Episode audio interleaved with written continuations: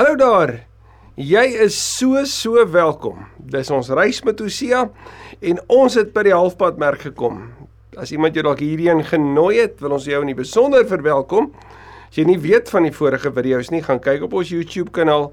En as jy nie weet dat die vorige notas beskikbaar is nie, dan sê ek dit sommer nou vir jou. Jy's baie baie welkom. Ek sit jou graag op ons verspreidingslys. Dit is vir ons 'n heerlike voorreg om op hierdie manier ook saam te kan dien en te kan deel in dit wat die Here doen in sy koninkryk. Is God nie goed nie, hè?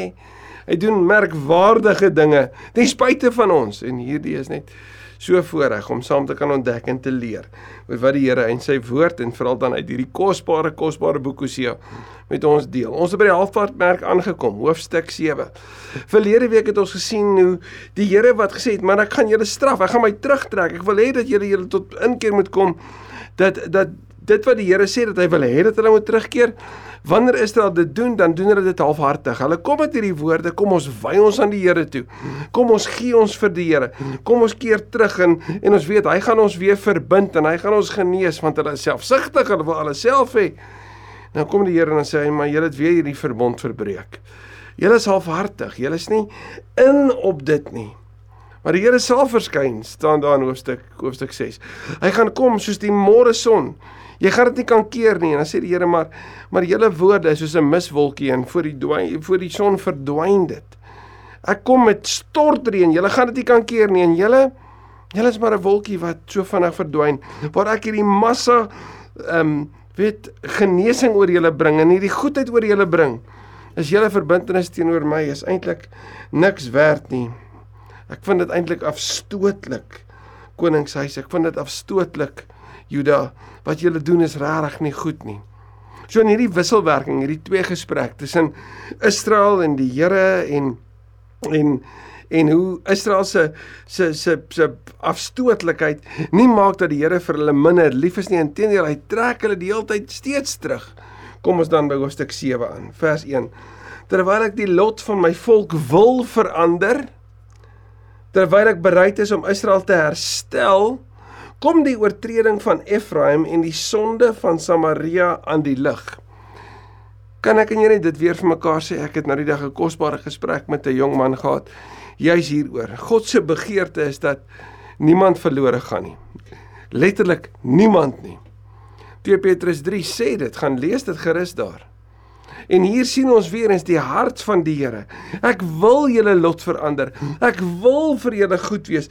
Ek wil julle herstel. Nou Die Here se herstel is nie soos wat ek en jy dit mag dalk sien dat wanneer jy 'n motor neem na 'n motorwerktuigkundige toe of na 'n paneelklopper toe en hy herstel dit nie. Nee. 2 Korintiërs 5:17 sê die Here herstel en hy maak dit totaal nuut. Hy herskep. So hier kom sê die Here dit ek wil dit herstel. Ek wil dit regmaak, nê? Nee?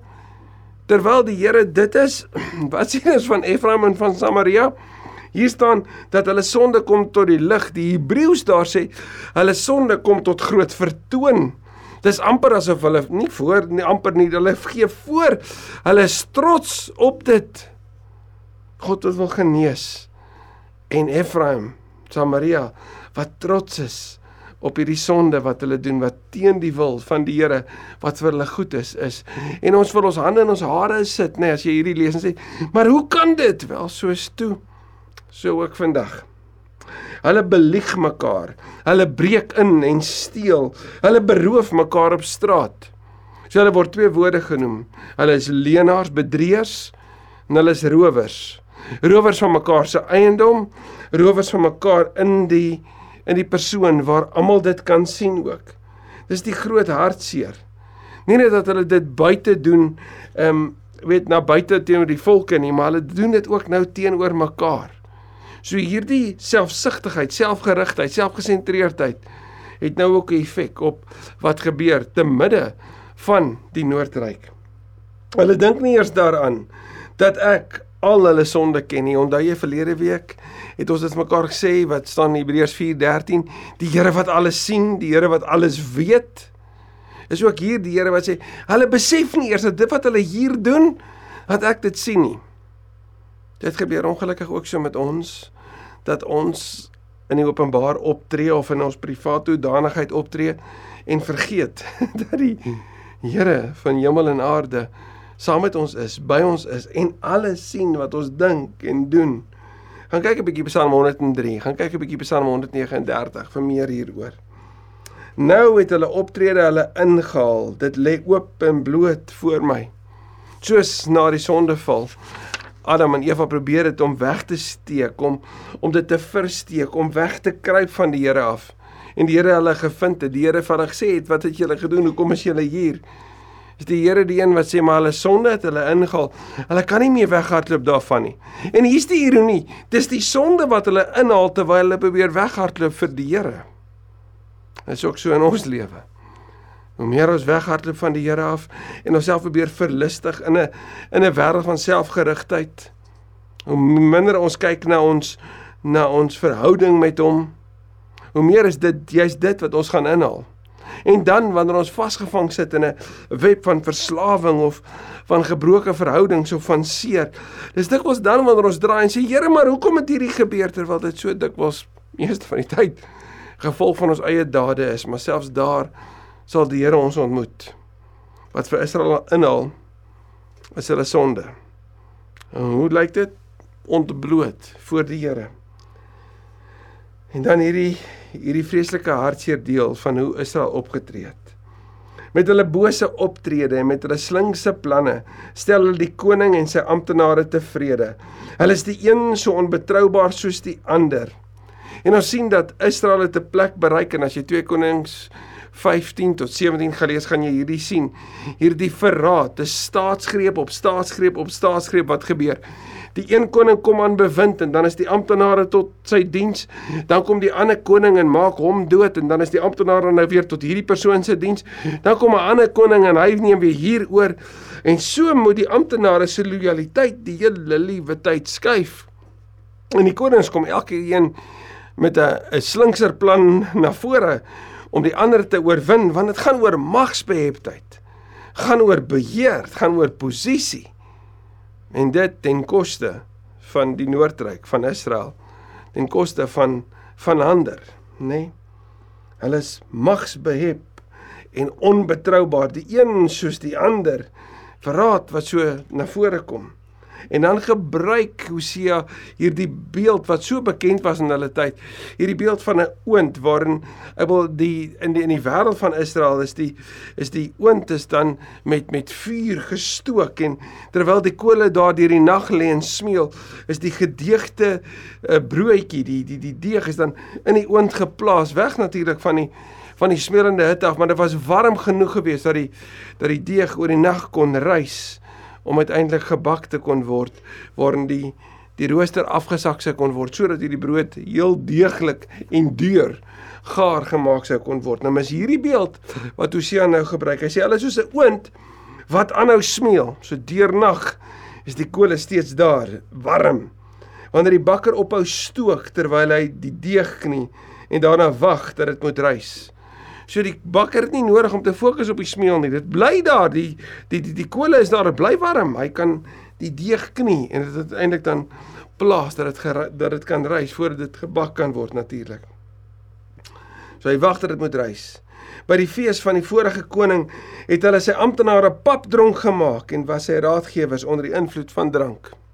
So soos terwyl die bakker hier knie en wag vir die deeg om te rys voordat hy dit natuurlik op die rooster plaas en daar hierdie smeulende kole is.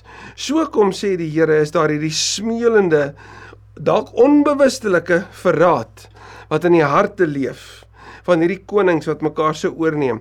So hier praat ons van 'n koning wat 'n ander koning se amptenare dronk gemaak het. Hulle onder sy invloed gekry het, sy raadgewers onder die invloed gekry het sodat hy kon oorneem. Hoe hartseer dat raadgewers wat moet raad gee hulle is wat hulle oorgee aan drank en dan eintlik radeloos word. 'n Tragiese voorbeeld van wat gebeur wanneer jy beheer oorgee.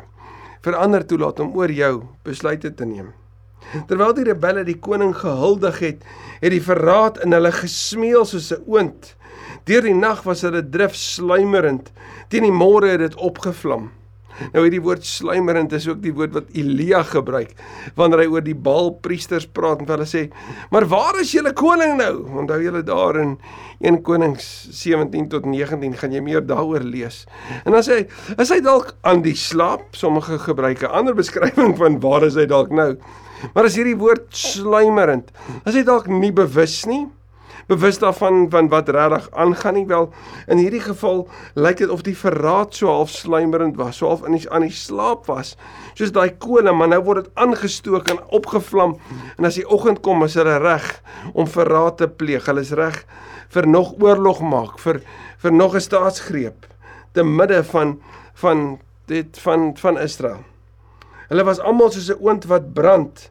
So het hulle hulle regerders verteer en het al die konings tot 'n val gekom. Die een na die ander in hierdie proses van van magsbeheptheid het hulle mekaar verwoes. Dis 'n tragiese toneel, nie waar nie? Maar die een en maar nie een van hulle het ooit na my wil kom vra nie. Hoe tragies. Nie die konings nie, nie die amptenare nie, nie die raadgewers nie, nie die volk nie. Niemand het na die Here toe gedraai en gevra Here, wat is u wil en hoe kan ons u wil leef nie? So terwyl hulle met hulle eie wil en hulle eie planne besig was, was die gevolge daarvan katastrofies. En dit is maar ook so in ons lewe. As jy vir jouself leef en vir jou eie begeertes, jou jou jou jouself wil verlustig en wat ook al, dan gaan ons ons maar daaruit kom, nê? En die interessante is, die ware koning word nie erken nie. Maar hierdie menslike konings word gevolg. Die een wat die ander opvolg, terwyl die ware koning wat ewig koning is, nie erken word nie. Efraim is tussen die nasies, maar hy word self geknie. Efraim het soos 'n askoek geword wat verbrand het. So die Here kom sê dat terwyl terwyl Israel self dink as hulle magtig is en en en en dat elke koning die ander een wil opvolg, sê die Here, eintlik is julle wanneer die ander na julle kyk, is jy soos 'n stuk deeg wat geknie word. Jy dink jy is jy jy's 'n rolspeler tussen die nasies, maar eintlik is jy maar net 'n stukkie deeg wat self geknie word en wat self soos hierdie askoek gaan verbrand. Anders gesê, julle is pionne in 'n proses, maar julle is blind daarvoor. Julle is maar 'n askoek wat niks beteken nie. Vreemdes het sy krag verteer maar hy besef dit nie. Hy het mif geraak soos ou brood, maar hy besef dit nie. Nou hierdie woord mif raak is in die Hebreëus dui op hy't vermeng geraak. sien Israel het sy godsdiens wat eie was aan aan hulle hulle identiteit en hulle aanbidding van die Here het hulle vermeng met die afgod afgodsdiens van die buurvolke. So ja, hulle het die feeste gehou. Maar verder as dit was daar geen verbintenis aan aan Jahwe nie. Daar was geen verbintenis tot 'n heilige toegewyde lewe van liefde, trou en toewyding aan hom nie. Nie hulle dit mos nou vermeng met hierdie afgodsdiens en met die afgodery en en saam met dit die die die die drankmisbruik en die seksuele wanpraktyke wat daarmee saamgaan. En hulle dit mos nou so heerlik vermeng en dit wat vir hulle gewerk het en uiteindelik beteken dit dat wanneer die nasies daarna gekyk het, het hulle daarvoor gelag. En ek en jy moet iets daarvan sien. Die vermenging van ons geloof vind ander as lagwekkend. Ek en jy mag dalk dink, nee, maar ons pas nou in. Ek het my stukkie godsdiens hier, maar ek het my lewe daar. En ek onderskei die twee. Ek bedoel, daar's 'n groot verskil tussen wie ek op 'n Sondag en wie ek op 'n Maandag is. En wanneer ander daarna kyk, vind hulle dit lagwekkend. Dit was waar Nosia se tyd. Ook waar vir jou en my nou om te sê hulle het mif geraak soos ou brood, sê een van Engelse kommentare they became useless. Waar hulle useful moes wees om in hulle wêreld 'n verskil te maak, om lig te wees in die donker, het hulle dit verloor. Daar's mos iets daarvan in die Nuwe Testament, nê? Nee. Sout wat sy krag verloor. Israel se hoogmoed getuig teen hom. En dis die ironiesste woord ooit dat Israel gedink het dat hulle beter as ander is. Hulle eie eie waan en selfwaan wat gemaak het dat hulle self behoor posisioneer want hulle is mos nou die die volk van die uittog gaan ons nou sien is eintlik die mees lagwekkendste van almal hulle het nie teruggekeer na my die Here hulle God nie en het te midde van dit alles nie na my wil gevra nie. Te midde van die gemors wat in hulle lewe gebeur, stop hulle nie en vra nie en dis die grootste tragedie hiervan. Gemors is oral in hulle lewe sigbaar. Maar waar soek hulle hulp? By hulle self. By die afgode, by die ander lande. Efraim het geword soos 'n duif, dom en sonder verstand. Hulle het vir Egipte gekoer, maar Assirië toe, Assirië toe gevlieg.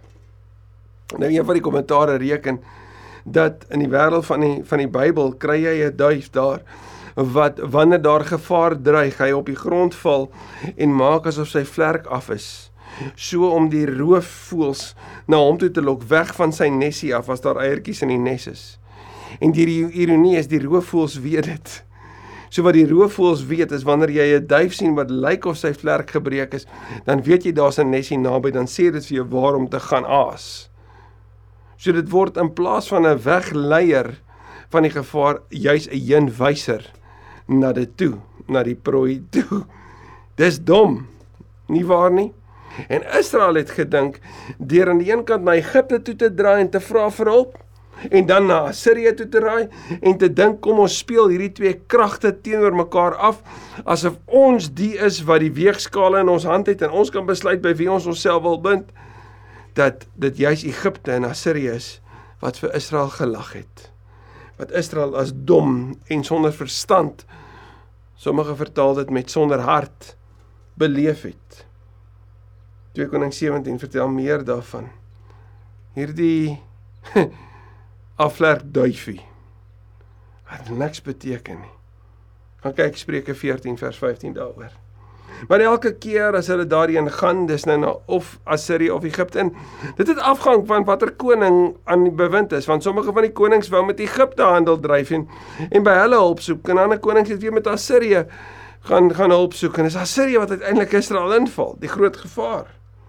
Elke keer as hulle daarheen gaan, sal ek my vang net oor hulle gooi. Ek sal hulle soos voëls neertrek. Ek sal hulle vastrek sodat ek die gedruis van die sodra ek die gedruis van die swerm hoor, God sê ek gaan vir Israel vang. Israel wat gaan hulp soek by die ander, ek gaan hulle intrek, net soos wat 'n vang net oor prooi getrek word en hulle ingetrek word, weet gegooi word en hulle ingetrek word. Ek gaan my mense kry. Elende wag vir hulle omdat hulle van my af wegvlug. Let wel, die elende is nie omdat ek dit oor hulle bring per se nie maar juis omdat hulle van my af wegvlug en God wat sy brandende liefde het dat hulle by hom sal wees, gooi die wang net oor en trek hulle weer terug. Dit herinner aan 2 Petrus 3. Daar wag teëspoed vir hulle omdat hulle teen my in opstand is. Ek was bereid om hulle te red, maar hulle lieg vir my. Hulle is gebrekkige toewyding aan my. Hulle kom sê nie in ware toewyding dat hulle my wil dien en dat ek hulle red nie. Daarom gaan die gevolge vir hulle dade, vir hulle leuns, vir hulle besluite katastrofies vir hulle wees. Maar steeds ek gaan my gevang net oorgooi en ek gaan hulle intrek. Want ek wil hulle by my hê. Toe hulle na my om hulp kom roep het, het dit nie uit die hart gekom nie. So hulle was nie opreg nie. Want hulle lê op hulle beddens en kerm en sny hulle self stuk in ter wille van koring en wyn. Om op jou bed te lê, kom uit Psalm 4 vers 4 en Psalm 16 vers 7 uit. Dis in die tye wat die Here aanbid moet word, waar die oggendgebed gesê moet word, wat sy lof besing moet word. Maar daar waar hulle moes wees om by hom te wees, lê hulle liewer en doen niks. Nee, wat hulle wil hê is is koring en wyn, so hulle voorgee van sogenaamde toewyding, is alles omdat hulle selfsugtig is. Hulle sal kort en vinnige woordjies van belofte beloof omdat hulle eintlik net plesier wil hê. En koring en wyn is mos natuurlik brood en wyn, nê? Die daaglikse kos. Hulle verset hulle teen my. So dit groot vertoon, maar hulle harte is nie in dit nie. Hulle verset hulle teen my. Hulle wil ek hulle gewaarsku het. Hulle wil nie hoor nie. Hulle wil nie luister nie. Toe ek hulle gehelp het, het hulle opstand beplan teen my en hulp gesoek by wat nie kon help nie in plaas van om na die Here toe te draai, die Here wat hulle sterk gemaak het, sê die Hebreëus. En dit het nie te doen met ek het hulle magtig gemaak nie. Ek het hulle gehelp toe hulle broos was. Terwyl ek besig was om hulle te help. En die Here sê alles wat julle doen, lê oop en bloot voor my. Was hulle besig om ander plannetjies te maak, het hulle opgetree asof ek nie daar is nie. En hulp gesoek by wie nie kon help nie. naamlik by mense, by ander volke. Hulle het so nutteloos geword soos 'n slap boog. Nou 'n slap boog kan nie die teiken tref nie. 'n Slap boog kan nie doen wat hy moet doen nie en hy kan nie beskerm waar hy moet nie. En en 'n slap boog is eintlik nutteloos. Psalm 78 vers 57 sê iets daarvan. Hulle leiers sal met die swaard afgemaai word. Hierdie leiers wat so die staatsgreep op straat staatsgreep geskep het of veroorsaak het. Hulle sal die slagoffers word van die vervloeking. Hierdie volk wat so vinnig praat en afpraat en sleg praat, hulle gaan self die slagoffers daarvan word wat hulle oor hulle self uitgespreek het as hulle aan my verbond ongehoorsaam sou wees en Egipte sal daaroor lag. En dis die tragedie. Egipte die land wat oorwin was, die land van die uittog, die land wat Eksodus 14 vers 14 vir die vir Israel gesê word, bly julle kalm, die Here sal vir julle veg. Egipte is nou die land wat daaroor lag, wat oor Israel lag. En die en die woord lag daar in die Hebreëus het te doen met om te bespot. So Israel God se volk wat hy uitgelei het.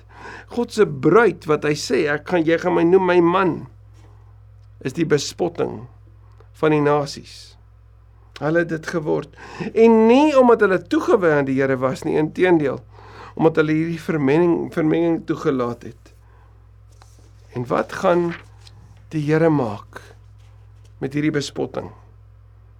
Wat gaan hy besluit om te doen? Ons leer volgende week meer saam. Dankie Jesus dat ons weet dat vanuit die Nuwe Testament jy ons nie in ons gemors gelos het nie, inteendeel. U het deel kom word van ons wêreld. U het nie net op afstand gepraat nie, u het tussen ons kom woon en iets vir ons kom wys hoe lief u ons het deur in ons plek die bespotting te word. Deur die smaad en die spot op u te dra, op u te neem, sodat ons nie kan leef en in ware toewyding aan u kan leef. Mag ons wat U ook vandag met ons kom deel het, wat U woord vandag met ons kom doen het, mag ons ernstig dink oor die die woorde wat ons so vinnig beloof en sê. Oor die besluite wat ons soms emosioneel so vinnig maak. En nie oor die belangrike appel van om getrou daaraan te leef. Help ons om in ware toewyding liefde en trou in U te leef in Jesus se naam. Amen. Amen.